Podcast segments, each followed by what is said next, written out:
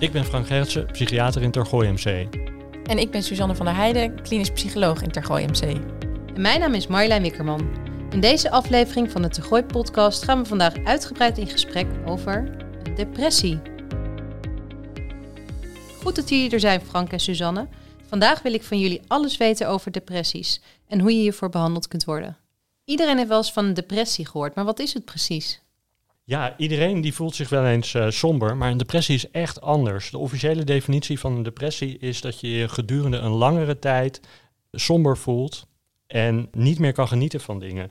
Echt een totaal verlies van interesse en plezier. En je voelt je alsof er een grauwe deken over je heen zit en je bekijkt eigenlijk alles door een, door een grijze bril. En ja, je voelt je verdrietig, leeg of hopeloos. En het lukt daardoor ook niet goed meer om je werk of je studie bij te houden en te doen. Is er een harde scheidslijn tussen zomaar wat sombere gevoelens of een depressie? Ja, die is er. En formeel ligt die scheidslijn bij somberheid die het grootste deel van de dag, de meeste dagen van de week bestaat, gedurende langere tijd. En dan zeggen we meestal twee weken of langer.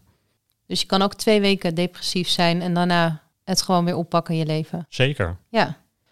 En hoe vaak komt het nou voor in Nederland? Hoeveel mensen krijgen hiermee te maken? 20% van uh, de mensen in Nederland krijgt ooit in het leven een depressie. En uh, dat zijn in Nederland ongeveer 800.000 mensen per jaar. En van alle psychische aandoeningen, psychiatrische aandoeningen, is depressie de meest voorkomende. Het is dus helemaal niet gek om een depressie te hebben. Nee, zeker niet als het twee weken duurt. En ja, sommigen hebben natuurlijk langer, uh, zoals je net al aangaf. En wie krijgt er nou eigenlijk een depressie? Zijn dat mannen, vrouwen? Wat is de gemiddelde leeftijd? Kun jij er wat over zeggen, Suzanne? Ja, bijna een kwart van de vrouwen krijgt ooit in het leven een depressieve stoornis. Tegenover ruim 13% van alle mannen. Dat betekent dat vrouwen twee keer zo vaak een depressie krijgen. En in onderzoek is gevonden dat mensen naarmate ze ouder worden vaker last krijgen van depressieve klachten, zoals somberheid. Maar er zijn weer minder ouderen die voldoen aan alle criteria van een depressieve stoornis. En wat we zien is dat bij ouderen in verzorgingsverpleeghuizen of ziekenhuizen uh, depressies juist weer veel vaker voorkomen. Oké. En wat doe je dan met ouderen? Ben je dan 40, 50? Uh, boven de 65. Boven de 65. En is ook bekend waarom je een depressie krijgt? En waarom krijgen vrouwen dat nou vaker dan mannen? Nou, weet je, de, oorzaak van een depressie is eigenlijk bijna nooit echt aanwijsbaar. We zien bijna altijd dat verschillende factoren een rol spelen bij het ontstaan van depressieve klachten. En er kan sprake zijn van een genetische kwetsbaarheid, negatieve ervaringen, zoals bijvoorbeeld het overlijden van een dierbare, kunnen een rol spelen. Persoonlijkheidskenmerken, zoals hoe mensen omgaan uh, met emoties, hoe ze over zichzelf denken, die kunnen ook een rol spelen in het ontstaan natuurlijk sociale factoren. Je kan je wel voorstellen dat op het moment dat je bijvoorbeeld financiële zorgen hebt, dat je geen baan hebt, dat dat ook allemaal mee kan spelen in het ontstaan van somberheid. En wat wij bij ons op de polypsychiatrie binnen het ziekenhuis natuurlijk vaak zien, is dat er ook een lichamelijke oorzaak van een depressie is. Zoals uh, bijvoorbeeld ziekte van Parkinson of het doormaken van een hartinfarct. Dus ja, het is eigenlijk altijd een heel complex samenspel van allerlei factoren. Maar vaak wel een samenspel. Dus niet per definitie dat er één ding mis is en je daardoor een, uh, een depressie kan krijgen. Nee, nee. En hoe zit dat? Je ziet ook wel eens dat families waarin het vaker voorkomt. Is het dan genetisch of hoe komt dat? Ja, het is inderdaad een aandoening die in de familie kan zitten. En wat genetisch bepaald is, is eigenlijk de kwetsbaarheid voor het ontwikkelen van een depressie. Mensen kunnen er aanleg voor hebben. Dus dat en het hebben van zo'n kwetsbaarheid betekent niet per se dat iemand ook daadwerkelijk een depressie krijgt. Dat hangt ook weer af van al die andere factoren die ik net heb besproken. En wat bedoel je dan met aanleg? Ja, een biologische kwetsbaarheid voor het krijgen van een depressie. Iemand kan daar genetisch meer toe geneigd zijn om somberheid te ontwikkelen. Ja, dus gevoelig eigenlijk daarvoor, uh, dat bedoel je? gevoeligheid, ja. ja. En ik heb ook wel eens gehoord van een najaarsdepressie. Hoe zit het daarmee? Klopt het dat er in het najaar vaker mensen depressief zijn? Ja, een najaarsdepressie bestaat zeker. We noemen dat een uh, seizoensgebonden depressie. En die, uh, die komen inderdaad in het algemeen vaker voor in de herfst en in de winter. En veel mensen voelen zich ook wel meer somber in de winter dan in de zomer. En recent onderzoek heeft aangetoond dat 3% van de mensen ook echt een seizoensgebonden depressie heeft van de Nederlanders. En ja, verder, dat bestaat dus, maar verder is een depressie niet per se gebonden aan een bepaald seizoen en kan het ook in de lente of in de zomer of uh, wanneer dan ook voorkomen. En waar ik nou benieuwd naar ben, hoe ontdek je nou eigenlijk dat je een uh, depressie uh, hebt of aan het ontwikkelen bent? Wat zijn je signalen? Kun je daar iets meer over vertellen, Suzanne? Ja, zeker. Zoals ik net al zei, hè, er kunnen verschillende oorzaken zijn. Hoe een depressie zich uit, uh, is, kan bij iedereen ook net een beetje verschillend zijn. Maar er zijn natuurlijk echt wel een aantal algemene symptomen waar mensen op zouden kunnen letten. Nou ja, bijvoorbeeld hè, die sombere stemming, dat is natuurlijk een hele, heel duidelijk kenmerk van een depressie. Geen plezier meer beleven aan dingen die mensen vroeger wel leuk vonden. Uh, mensen kunnen zich schuldig voelen, gevoel van leegte ervaren, machteloosheid. Angst is ook een symptoom wat mensen met een depressie uh, veel merken. Uh, lichamelijk kunnen mensen merken dat ze heel vermoeid zijn, dat ze geen zin hebben in eten of juist een sterk toegenomen eetlust hebben. Mensen slapen slecht of hebben juist heel veel behoefte aan slapen. Veel mensen hebben minder of helemaal geen zin meer in seks. Qua denken en doen kunnen mensen merken dat ze snel geïrriteerd zijn, snel boos. Een kort lontje hebben is iets wat we in de spreekkamer ook heel veel uh, van mensen terug horen. Piekeren is iets wat mensen zouden kunnen merken, ook vaak over dezelfde onderwerpen. Steeds in je hoofd zitten en daar eigenlijk niet meer goed uitkomen. Een ander belangrijk kenmerk is bezig zijn met de dood. Gedachten hebben als ik kan maar beter dood zijn. Het kan maar beter afgelopen zijn, want zo hoeft het voor mij niet meer. Mensen kunnen zich moeilijk concentreren, geheugenklachten hebben, moeilijk besluiten nemen, vertraging voelen in, uh, in, in reageren, in praten. Nou ja, dus dat is zo'n hele lijst. Een hele lijst. Allerlei inderdaad. symptomen die kunnen voorkomen. Dus je hebt ze niet allemaal tegelijk, hoef je ze te Hoeft hebben. niet. Nee. nee. En sluipt dat er dan een beetje in? Of heb je dan in één keer al die klachten? Hoe gaat dat in zijn werk? In de praktijk voelt het voor veel mensen alsof als iets wat opeens er is. Maar in de werkelijkheid is het iets dat over het algemeen heel langzaamaan ontstaat en steeds een klein beetje. En je kan dat denk ik vergelijken met een emmer waar steeds een druppeltje in valt. Al die druppeltjes individueel, die merk je niet zo, maar op een gegeven moment loopt de emmer over en dan is wel alles nat. En wat merk je daar als omgeving van? Stel dat ik iemand in mijn omgeving heb waarbij ik, ja, die in één keer uitvalt. Hoe, hoe, hoe kan je dat signaleren? Merk je daar iets van?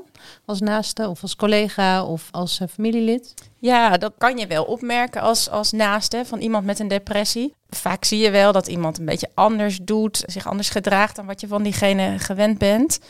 En tegelijkertijd is het vaak moeilijk om echt te begrijpen wat er nou in die ander omgaat, uh, waardoor die nu anders is. En dat heeft er mede ook wel mee te maken dat mensen niet altijd praten over hoe ze zich voelen. We zien veel dat mensen met een depressie eigenlijk juist in zichzelf keren. Nog minder dan, dan ze daarvoor deden uiten hoe het met ze gaat. Dus dat maakt het wel lastig voor de omgeving. Wat kan je als omgeving doen als je toch een vermoeden hebt of je denkt van hé, hey, dit klopt niet? Wat is jullie advies? Ja, ik zou zeggen, praat erover. Kijk of je contact kan krijgen met diegene. Benoem wat je ziet. Benoem dat diegene misschien anders doet dan wat je kent. Ik kijk ook of degene misschien behoefte heeft aan hulp, praktische hulp, dingetjes ondernemen. Dat, zou ik doen. En op het moment dat je merkt, nou ja, het gaat echt heel slecht, raad iemand dan vooral ook aan om naar de huisarts te gaan. En wat kunnen de gevolgen zijn van een depressie? Nou, de gevolgen van een depressie kunnen echt heel groot zijn. Uh, je kan je ook wel voorstellen, hè, als je last hebt van zoveel verschillende soorten klachten, dat heeft heel veel impact op je kwaliteit van leven. En ook op de mate waaraan mensen kunnen deelnemen aan, aan de maatschappij. We weten bijvoorbeeld dat 8,2% van al het ziekteverzuim wordt veroorzaakt door depressies. Dus mensen kunnen er um, geheel of deels arbeidsongeschikt van raken. Bij mensen die op jonge leeftijd een depressie krijgen, kan ook de normale ontwikkeling van de levensloop verstoord raken. Dus het heeft echt veel invloed. Overlijden er ook mensen aan een depressie? Zeker. En dat heeft denk ik met twee uh, dingen te maken. Ten eerste, wat Suzanne net ook al zei, dat mensen zo somber zijn dat ze echt geen andere uitweg zien dan de dood en zichzelf van het leven beroven en zelfmoord plegen. En aan de andere kant weten we ook dat mensen die depressief zijn minder goed voor zichzelf zorgen en daardoor bijvoorbeeld ook langer rondlopen met lichamelijke problemen en daar dan uiteindelijk uh, meer last of ernstigere gevolgen van hebben en uh, daaraan overlijden. Stel dat er mensen luisteren die met dit soort gedachten en ja, zelfmoordneigingen rondlopen. Wat is jullie advies? Nou, je moet daar om te beginnen denk ik uh, over praten met je naasten en met je familie. Of naar de huisarts gaan. En ja, is dat nou een, een brug te ver of zit je te diep in een dal? Dan is het denk ik goed om je te beseffen dat je niet alleen bent als je aan zelfmoord denkt. En je kan contact opnemen met Stichting 113 via 113.nl of telefoonnummer 113. En dan kan je praten over die gedachten. Gaat zo'n depressie nou zelf uh, over? Dat het net al even over uh, Suzanne, over korte depressies ook. -hmm. Ja, bijna de helft van de mensen die voldoet aan de criteria voor een depressieve stoornis, knapt ook binnen drie maanden vanzelf spontaan weer op. Van de groep mensen bij wie een depressie langer dan drie maanden duurt, zien we dat het herstel na gemiddeld zo'n zes maanden begint. En wat heel helpend is, is het hebben van een gezonde leefstijl, regelmatig bewegen, goed slapen en ook voldoende mogelijkheden hebben om te ontspannen. Net als gezonde voeding, het vermijden van alcohol, drugs en roken. Een gezonde leefstijl helpt ook bij het eh, voorkomen van uh, depressies en het sneller herstellen. En wanneer moet je nou echt voor een depressie behandeld uh, worden, Frank? Ja, op het moment dat het lijden en het dysfunctioneren zo de overhand nemen dat je eigenlijk niet meer kan functioneren in je uh, leven, op je werk, in je privéleven. En eigenlijk als de depressie alles volledig overschaduwt. Heb je daar een voorbeeld van of kan je dat nog ja, ietsje duidelijker schetsen? Nou, bijvoorbeeld als je zo somber bent dat je heel de nacht wakker ligt, daardoor overdag gewoon echt niet uit bed kan komen, jezelf nergens toe kan zetten, naar je werk gaat, daardoor uitvalt. Ja, dat klinkt ook wel heel ernstig. En dan ga je als eerste langs bij de huisarts? Of wat doe je dan als je je zo voelt? Ja, dan ga je naar de huisarts. En de huisarts die kan dan vaak ook al beginnen met, met een behandeling. Bijvoorbeeld door je gesprekken aan te bieden met de praktijkondersteuner. Of uh, soms al door het starten van medicatie. Bijvoorbeeld om je slaap te verbeteren. Uh, soms ook andere dingen. En als dat niet genoeg is, dan kun je via de huisarts ook verwezen worden naar een psycholoog of een psychiater in de GGZ. Of in het ziekenhuis via je cardioloog of, of je specialist in het ziekenhuis. Dus wanneer kom je dan bij jullie terecht in het ziekenhuis? Wanneer krijgen patiënten met jullie te maken? Nou, in Tergooi MC behandelen we bij de psychiatrie eigenlijk vooral mensen die behalve psychiatrische klachten ook echt lichamelijke klachten hebben. Een lichamelijke ziekte waarvoor ze bij een andere specialist in Tergooi in behandeling zijn. En die combinatie van enerzijds uh, psychiatrische ziekten en klachten en anderzijds lichamelijke ziekten en klachten, uh, dat maakt de psychiatrie in Tergooi echt wel uniek vergeleken met bijvoorbeeld de geestelijke gezondheidszorg. Ja, ik kan me ook voorstellen als je hier bijvoorbeeld een chemotherapie of een heel intensief behandeltraject meemaakt wat, ja, waar je depressief van uh, kan worden, dat het gewoon fijn is dat jullie hier ook zijn om onze patiënten te helpen. Ja, zeker omdat wij ook echt wel specifieke kennis hebben over de interactie tussen bepaalde lichamelijke ziektes en psychiatrische klachten wat dat betreft zijn we daar echt in gespecialiseerd. En jullie zijn specialisten in uh, depressies. Uh, jij bent klinisch psycholoog, uh, Suzanne. En Frank, jij bent psychiater. Wat is nou eigenlijk het verschil tussen een klinisch psycholoog en een psychiater? Ja, nou ja, er zit overlap natuurlijk in ons werk, want we houden ons allebei bezig met mensen die psychische klachten hebben. We hebben allebei onze eigen invalshoek en onze eigen benadering, waarmee we elkaar in de praktijk dus aanvullen. Ja, en psychiaters zijn vooral ook uh, dokters, net zoals bijvoorbeeld de internist of de chirurg. En uh, wij schrijven dus ook medicatie voor. En zoals wij in Tergooi MC werken, is dat de psychiater vooral aan de voorkant uh, van de patiëntrij staat, diagnose stelt en vooral behandelt met medicatie. En dat Suzanne als psycholoog en haar collega's ja, daarnaast ook andere dingen doen. Ja, want als klinisch psycholoog ben ik specialist op het gebied van diagnostiek en behandeling van complexe psychische aandoeningen. En wat ik doe in mijn intakegesprek is eigenlijk met de patiënt samen kijken uh, naar welke factoren nou een rol hebben gespeeld in het ontwikkelen van die depressieve klachten en ook in het voortbestaan van de klachten. dus ik vorm een beeld van hoe iemand denkt, doet en voelt. En bekijk ook wat de samenhang is tussen iemands huidige klachten en datgene wat uh, iemand in zijn of haar leven heeft meegemaakt. En zo vinden we de aanknopingspunten voor een psychologische behandeling waarin we ons bijvoorbeeld kunnen richten op het verwerken van ingrijpende gebeurtenissen, iemand beter leren omgaan met emoties of het versterken van iemands veerkracht. Die uh, ingrijpende gebeurtenissen en emoties, die kunnen natuurlijk best wel zwaar zijn. Uh, als je hier in het ziekenhuis uh, met een ernstige aandoening of ziekte rondloopt, hoe doe je dat? Ook daar ga ik toch weer zeggen, dat is bij iedereen natuurlijk een beetje anders. Hè? iedere persoon is anders, dus bij iedereen kijk je echt individueel. Wat is de benadering die past bij diegene? Welke therapiemethode uh, sluit het beste aan bij deze persoon. Dus daar zijn verschillende mogelijkheden voor. We maken echt per persoon een individueel uh, behandelplan. En behandelen jullie dan ook samen patiënten door de psychiater en de psycholoog? Jazeker, Suzanne en ik kunnen echt samen uh, dezelfde patiënt behandelen. Elk vanuit onze eigen invalshoek en expertise. Maar soms behandel ik ook iemand alleen, zonder psycholoog. Ja, en in principe is er dus altijd een psychiater betrokken bij, uh, bij onze behandelingen. Maar in de praktijk zijn er ook wel eens patiënten die bijvoorbeeld geen medicatie slikken, bij wie het zwaartepunt van de behandeling dan op, op het psychologische stuk ligt. En welke behandelingen zijn er dan mogelijk, Frank? Ja, dat kun je eigenlijk heel uh, simpel in twee categorieën samenvatten. Je kan uh, een depressie behandelen met pillen of met praten. Van allebei de opties zijn uh, diverse smaken en, en soorten. Maar dat zijn wel de twee opties die er in principe zijn. En pillen zijn bij jou en praten bij Suzanne? Of is dat iets... Ja, zo ongeveer. Oké. Okay. Ja, en nou, zoals ik net al zei, de psychologische behandeling bij depressie, daar kunnen we verschillende therapieën voor inzetten. Meestal zetten we cognitieve gedragstherapie in. Um, maar soms ook wel andere vormen van psychotherapie. En als er bijvoorbeeld sprake is van traumatische ervaringen, kunnen we als psycholoog bijvoorbeeld EMDR inzetten. Dat is een, een traumaverwerkingsmethode. Wat we in de praktijk ook vaak doen, is bij mensen die ernstiger depressieve klachten hebben, die van hun werk zijn uitgevallen en die zelf hun dagen niet meer goed kunnen vormgeven. Die kunnen bij ons deelnemen aan een deeltijdprogramma. Dus die komen dan een aantal keren per week op de poli en aan verschillende therapieën deelnemen, zoals muziektherapie, ontspanningstherapie of creatieve therapie. Wat is nou precies cognitieve gedragstherapie? Ja, binnen, binnen een cognitief gedragstherapeutische behandeling onderzoek ik met de patiënt uh, hoe diegene denkt, doet en voelt. En wat een belangrijk aspect is van die cognitieve gedragstherapie, nou ja, het zit ook al in de naam, hè, dat zijn de cognities. Dus dat zijn gedachten die mensen hebben. En uh, wat we zien is dat hoe je denkt over situaties, maar ook over jezelf, dat dat natuurlijk heel veel invloed heeft op hoe je je voelt. En binnen zo'n cognitief gedragstherapeutische behandeling leren mensen dus van zichzelf um, daarnaar te kijken en dat ook bij te sturen. Oh, wat goed uitgelegd. Het is echt wel iets heel uh, complex, maar je legt het echt wel heel uh, op een hele makkelijke manier uit. Zo uh, fijn dat we daar mensen mee kunnen helpen. Ja, en wat ik als, als dokter, psychiater echt belangrijk vind, is dat cognitieve gedragstherapie echt wetenschappelijk onderbouwd is. Er is heel veel onderzoek naar gedaan. En het is een therapie die echt goed werkt. Die bij een licht tot matig ernstige depressie net zo goed kan werken als pillen. En wat ik ook altijd belangrijk vind om te zeggen, want mensen denken, ja, psychotherapie, moet ik dan over mijn moeder en over vroeger gaan praten? Dat is helemaal niet zo bij cognitieve gedragstherapie. Dat gaat echt over het hier en nu en over wat je nu voelt en hoe je nu je gedrag uh, kan beïnvloeden. Dus dat vind ik altijd wel een belangrijke toevoeging. En kan je daar als patiënt zelf over meebeslissen? Over, nou, we net over pillen en praten. In welke mate heb je daar als patiënt zelf invloed op? Welke behandeling het beste is voor je?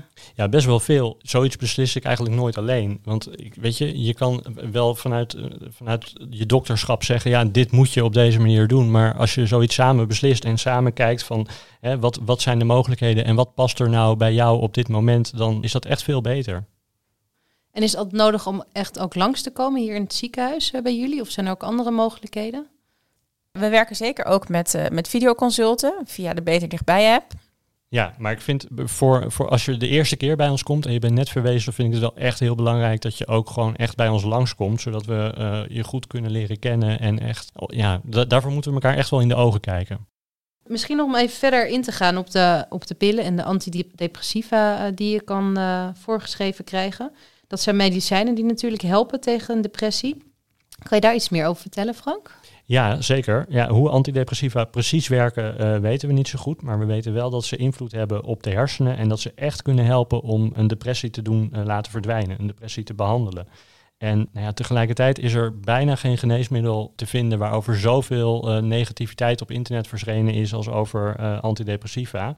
En je kunt echt de meest verschrikkelijke verhalen over antidepressiva lezen op internet. En dat, ja, dat vind ik echt niet terecht als antidepressiva op de juiste manier worden voorgeschreven voor de juiste indicatie, voor de juiste ziekte, ja, dan kunnen ze zo goed werken en dan kan het echt een life changer zijn. En ja, sommige mensen dat zei Suzanne net ook al, die knappen vanzelf op van een depressie. En er is ook ongeveer, uh, nou ja, soms de helft, een derde ongeveer. En sommige mensen die knappen gewoon helemaal niet op zonder medicatie. En dan is het zo zonde als je niet met medicatie durft te starten, omdat je ergens op een, op een forum gelezen hebt dat het slecht is. Dus ik vind ik echt belangrijk dat mensen daar goed over ingelicht worden. En waar zijn mensen dan precies bang voor? Wat we in de praktijk vaak merken, Frank die zegt dat natuurlijk nu ook net ook al een beetje, er zijn allerlei verhalen doen de ronde over antidepressiva. Dus dat maakt ook dat mensen in de praktijk twijfelen of het voor hun wel goed is om die pillen te gaan gebruiken. Hè. Eh, mensen kunnen bang zijn bijvoorbeeld voor bijwerkingen. Of ze hebben het idee dat het zwak is als ze niet uh, kunnen herstellen zonder het slikken van, uh, van een pil. Maar ook als psycholoog zie ik soms dat het voor mensen echt nodig is om antidepressiva te gaan slikken. In contact met mensen kan ik bijvoorbeeld wel eens merken dat hun geheugen zodanig slecht is of hun spanning zo hoog dat ze eigenlijk helemaal niet goed kunnen, kunnen horen wat we in een behandeling bespreken. Of dat ze het helemaal niet onthouden. Of het lukt ze thuis niet om zich te motiveren om plezierige activiteiten te gaan ondernemen, zodat hun stemming daardoor weer kan verbeteren. Ja, bij dat soort symptomen kunnen medicijnen gewoon echt helpen. Dus die angst is eigenlijk onterecht, uh, die veel mensen hebben. Ja, nou, ik, ik kan de twijfels soms echt ook wel goed begrijpen hoor. Dus daarom zeggen we ook altijd tegen mensen: praat erover. Hè. Bespreek met ons waar je mee zit, wat je overwegingen zijn. En dan kunnen we daar samen met de patiënt een, een weloverwogen beslissing in nemen. Wat voor verhalen eh, komen er dan voor op die uh, fora? Waar worden mensen door getriggerd? Of wat zijn de aannames die ze doen op basis van wat ze dan lezen op internet? Nou, bijvoorbeeld dat je er verslaafd aan raakt. Terwijl we weten dat je niet verslaafd raakt aan antidepressiva. Verslaving betekent dat je steeds meer nodig hebt voor hetzelfde effect. En dat kun je bijvoorbeeld zien bij alcohol. Hè. Als je nog nooit alcohol hebt gedronken, dan heeft één glaasje wijn best wel veel invloed. En uh, naarmate je lichaam daaraan wendt, dan kun je op een gegeven moment kun je één of twee of drie glazen drinken zonder dat je daar dezelfde effecten van hebt als de, die eerste keer bij dat eerste glas. En dat heeft antidepressiva echt helemaal uh, niet. Je lichaam raakt wel gewend aan antidepressiva, maar je hebt niet steeds meer nodig voor hetzelfde effect. Maar goed, omdat je lichaam er wel gewend aan raakt, is het wel verstandig om er niet van de een op de andere dag uh, zomaar mee te stoppen en het rustig af te bouwen. Maar eigenlijk lukt dat altijd. Ja, is het zeker niet verslavend. Daar zie je ook geen problemen mee uh, ontstaan bij het afbouwen. nee, zeker niet. En weet je, antidepressiva zijn niet de enige uh, medicijnen waarvan het beter is als je ze niet in één keer stopt. Dat geldt voor een heleboel medicatie. Dat geldt ook voor bloeddrukmedicatie. Dat geldt ook voor je, voor je diabetesmedicatie. Wat dat betreft is het gewoon een medicijn zoals alle andere. En hoe lang moet je die medicatie dan blijven gebruiken als je een depressie hebt? Ja, in principe adviseren we mensen altijd om het door te gebruiken tot het moment dat ze zich weer helemaal de oude voelen en daar een half jaar bij op te tellen. In de praktijk is het nooit zo zwart-wit, want je doet dat ook altijd weer samen met de patiënt. En het hangt er ook natuurlijk van af, was dit iemands eerste depressie of de, de derde of de vierde, dan kun je natuurlijk andere overwegingen maken. Maar in principe streven we er ook nooit naar om mensen levenslang op medicatie te houden. Zeker niet. En hoe lang duurt nou zo'n uh, behandeltraject als je een depressie hebt? Ja, nou ja, hoe lang zo'n traject bij ons duurt, dat verschilt ook weer per persoon. Uh, maar in principe werken we kortdurend. En we vinden het ook heel belangrijk om met hele concrete behandeldoelen te werken. Uh, en die regelmatig te evalueren. Dus dat doen we minstens iedere tien weken. Uh, bespreken we met de patiënt hoe diegene vindt dat de behandeling loopt. Hè, of aan de juiste doelen werken. Of, of op koers zijn. Of dat er misschien bijgestuurd moet worden. En dat bespreken we ook met alle betrokken behandelaars. En blijf je altijd gevoelig nou voor zo'n depressie? bedoel, je noemde net al, eh, Frank, dat je echt 1, 2, 3, 4 keer uh, in je leven te maken kan krijgen met een, grote depressie. Ja, dat is wel zo. We weten wel dat mensen die een keer een depressie hebben gehad, een grotere kans hebben op het krijgen van een nieuwe depressie dan mensen die nog nooit een depressie hebben gehad. Dus er blijft altijd wel een soort van, van kwetsbaarheid. En dat heeft ook te maken met factoren die Suzanne net al eerder benoemde. Hè? Hoe zit je persoonlijkheid in elkaar? Hoe ga je met spanning om? Uh, dat soort dingen. Kan je het nou ook echt voorkomen als uh, patiënt zijnde?